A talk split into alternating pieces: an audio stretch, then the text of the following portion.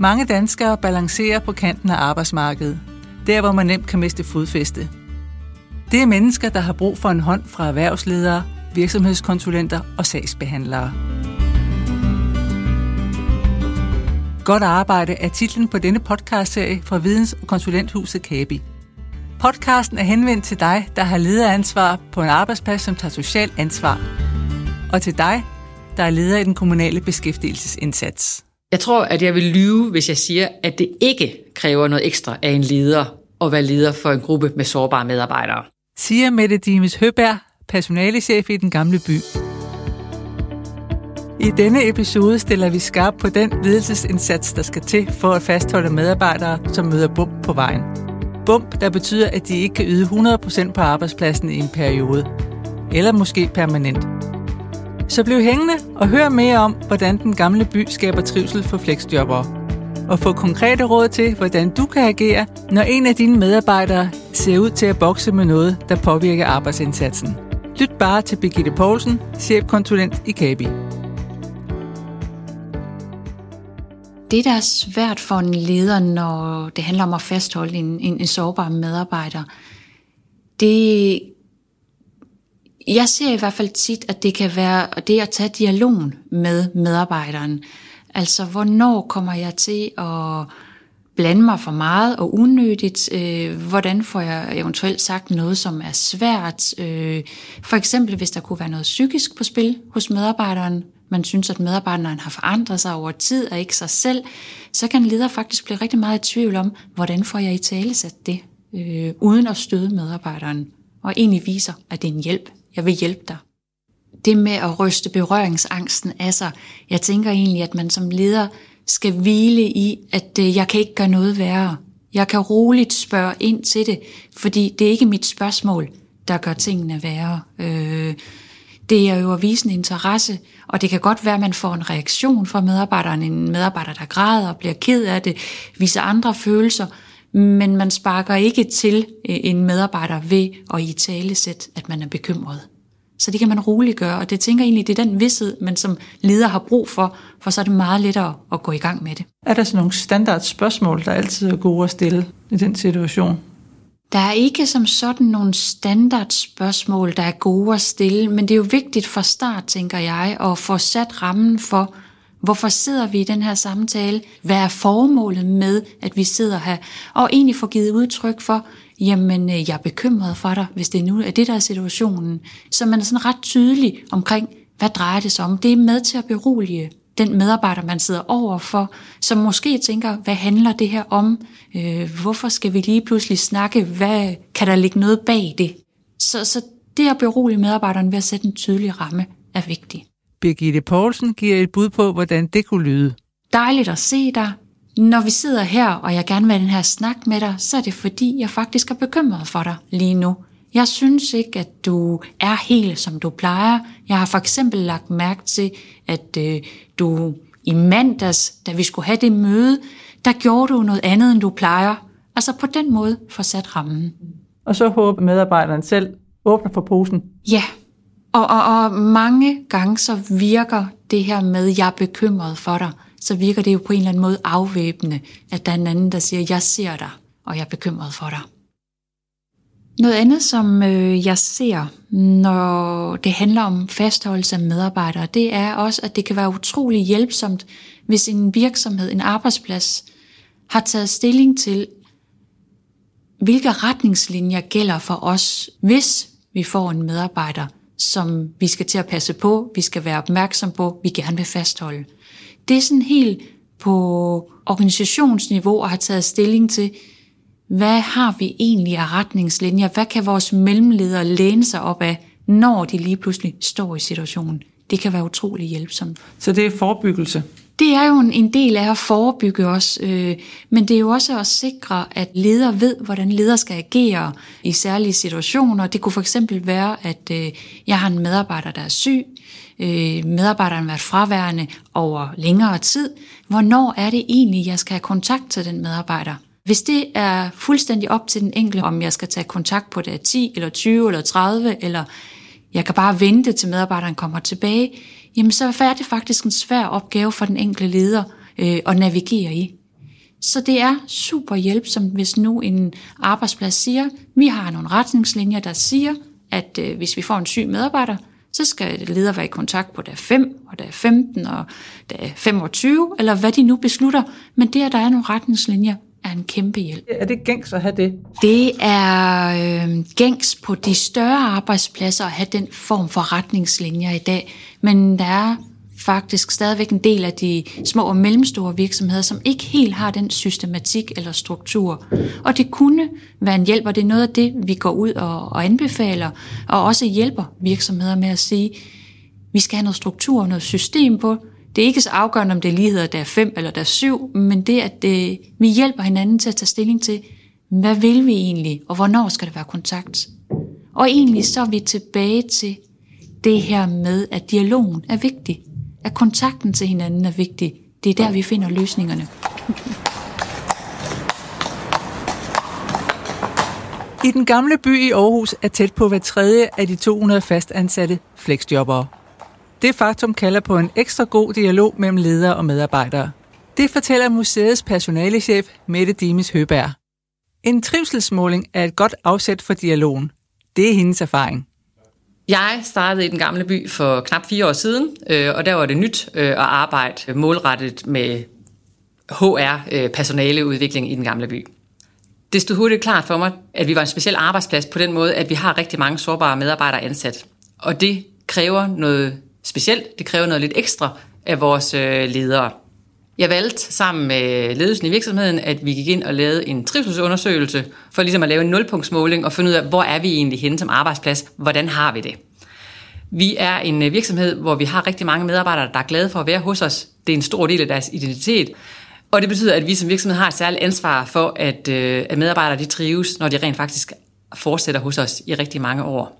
Det vi gjorde, det var, at vi lavede en trivselsundersøgelse, hvor alle medarbejdere skulle svare på en række spørgsmål, og det gav os så et rigtig godt værktøj til, at den enkelte mellemleder kunne zoome ind på hans eller hendes afdeling. Det gjorde vi på den måde, at dels så samlede vi mellemlederne i nogle grupper, øh, hvor jeg arbejdede sammen med dem omkring, hvad er det, der er vigtigt, at vi gør, efter vi har sådan et resultat fra en undersøgelse. For en ting er, at vi har resultatet. Det vigtige er, at vi bruger det til noget. Øh, så jeg havde nogle gode snakke med vores mellemledere omkring, hvordan skulle vi drive trivselen i den gamle by. De fik rigtig meget ud af at snakke med hinanden om det. De var også ret ærlige og viste hinanden deres resultater. Nogle havde jo måske fået et lidt dårligt trivselsresultat og reagerede ret kraftigt på det, men det var også en øjenåbner til, at okay, som leder, så er jeg faktisk nødt til at tænke over det her med at være leder. Jeg kan ikke bare gå og være leder til daglig, jeg er nødt til at forholde mig til det. Det her med at snakke om medarbejdertrivsel og afdelingernes velvære på tværs i organisationen, det gav os et fælles sprog øh, i gruppen af mellemledere, øh, og det gav os noget opmærksomhed på, hvor er det, vi kan gå ind og blive bedre. Efter trivselsundersøgelsen, så blev det øh, blandt andet tydeligt for os, at for nogle, måske især nogle af vores sårbare medarbejdere, der skulle der fokuseres ekstra på deres trivsel. Det har medført, at øh, i vores mus-værktøj, som vi kalder en dialog, øh, der er jeg ved at arbejde på at få et lille afsnit ind, som henvender sig specielt til ledere og medarbejdere, øh, som er eller har øh, flexjob ansatte i afdelingen. Når lederen har mus-samtale med øh, den sårbare medarbejder, så noget af det, som øh, vi har skrevet ind i materialet her, det handler om at få spurgt ind til medarbejderens skånebehov. Lederen skal ikke nødvendigvis kende til baggrunden for, hvorfor at den her medarbejder er blevet til det, vi kalder en sårbar medarbejder, men det er vigtigt, at lederen kender til de skånebehov, som den enkelte medarbejder har, som betyder, hvad er det, der får den her medarbejder til at trives. Så hvis ikke ledere og medarbejdere har en tydelig aftale omkring det, eller har haft nogle gode snakker omkring det, så er det vigtigt, at man lige stopper op og snakker om det. Og jeg vil også påstå, at selvom man har snakket om det, så er det vigtigt, at man mindst den her en gang om året, og jeg vil absolut synes, at det optimale vil være, hvis man tog snakken oftere, men lige at få tjekket ind med medarbejderen, hvor er du henne nu? Øh, er der noget ved dine skånebehov, der har ændret sig? Er der noget, jeg som leder skal vide, for at jeg bedst muligt kan tilpasse din arbejdsdag?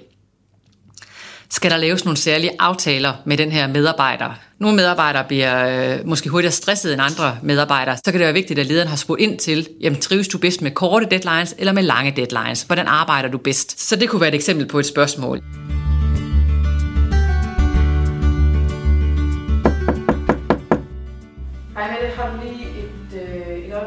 Ja, selvfølgelig. Kom ind. Jeg kommer til dig, fordi jeg har en medarbejder, Altså, jeg tror simpelthen, han har brug for færre udfordringer. Øhm, eller så skal det være nogle andre i en periode. Det er jeg sådan lige lidt usikker på. Og samtidig så er vi bare presset op til, at vi skal have den her nye udstilling.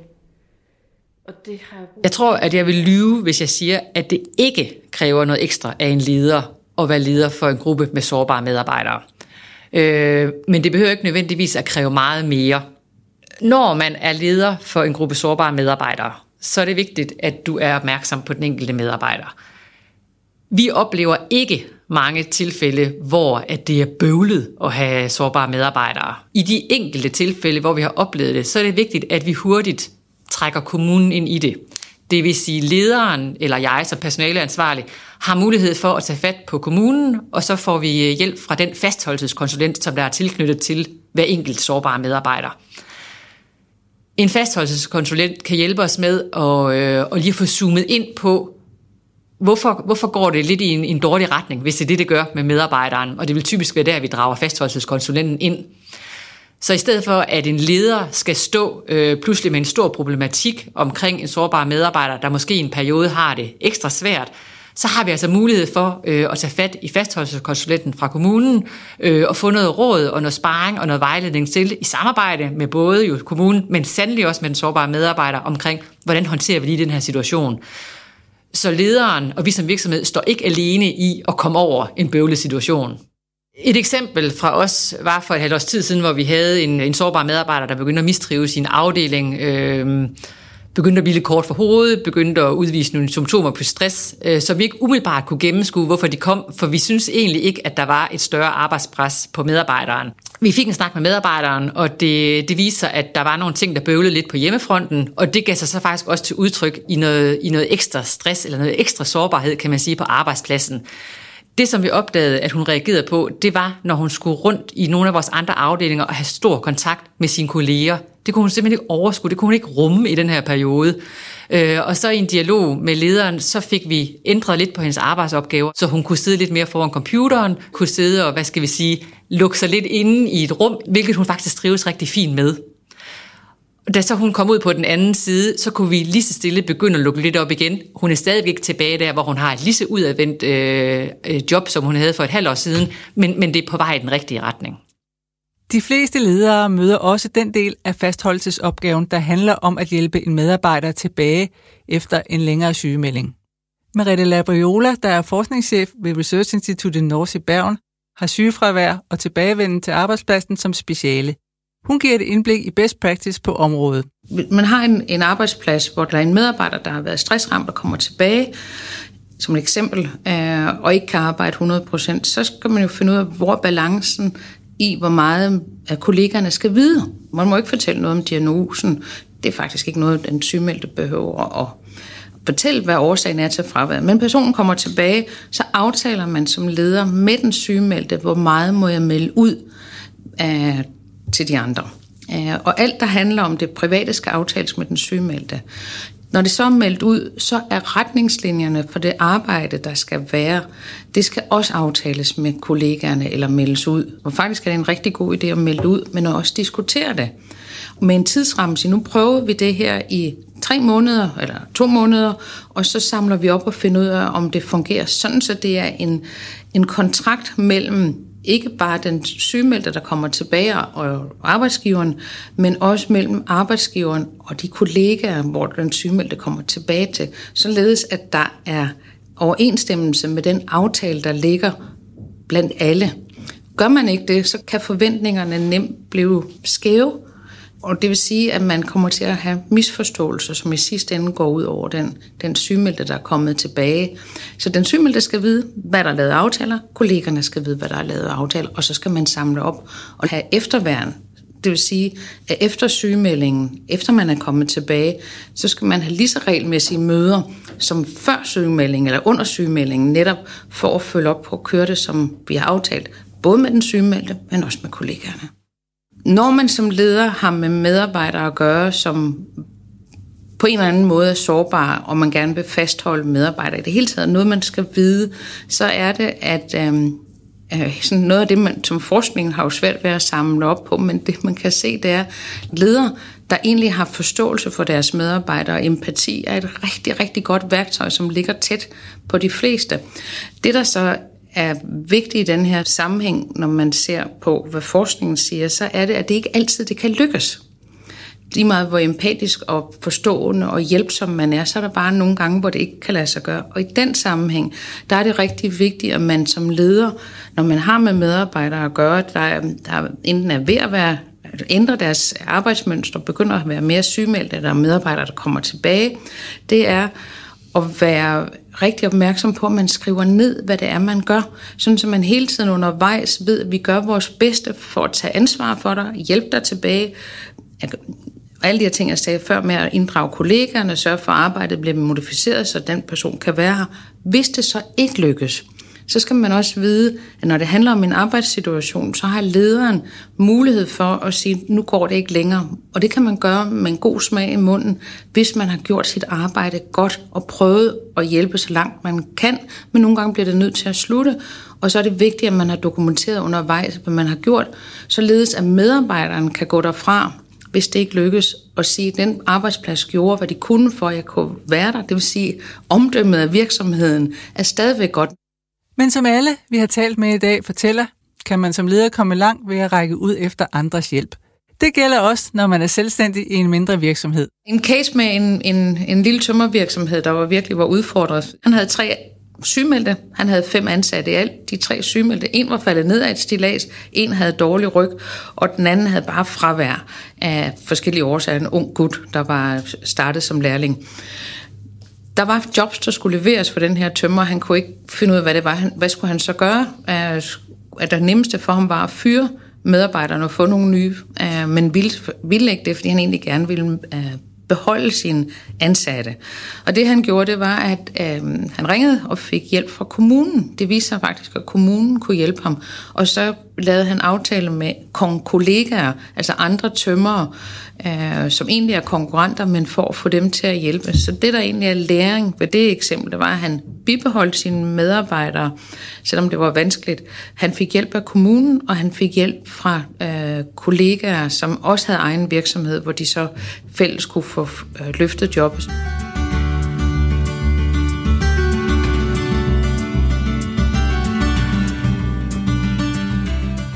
Måske har udsendelsen gjort dig opmærksom på, at du kan bruge Kabi til noget i din lederopgave.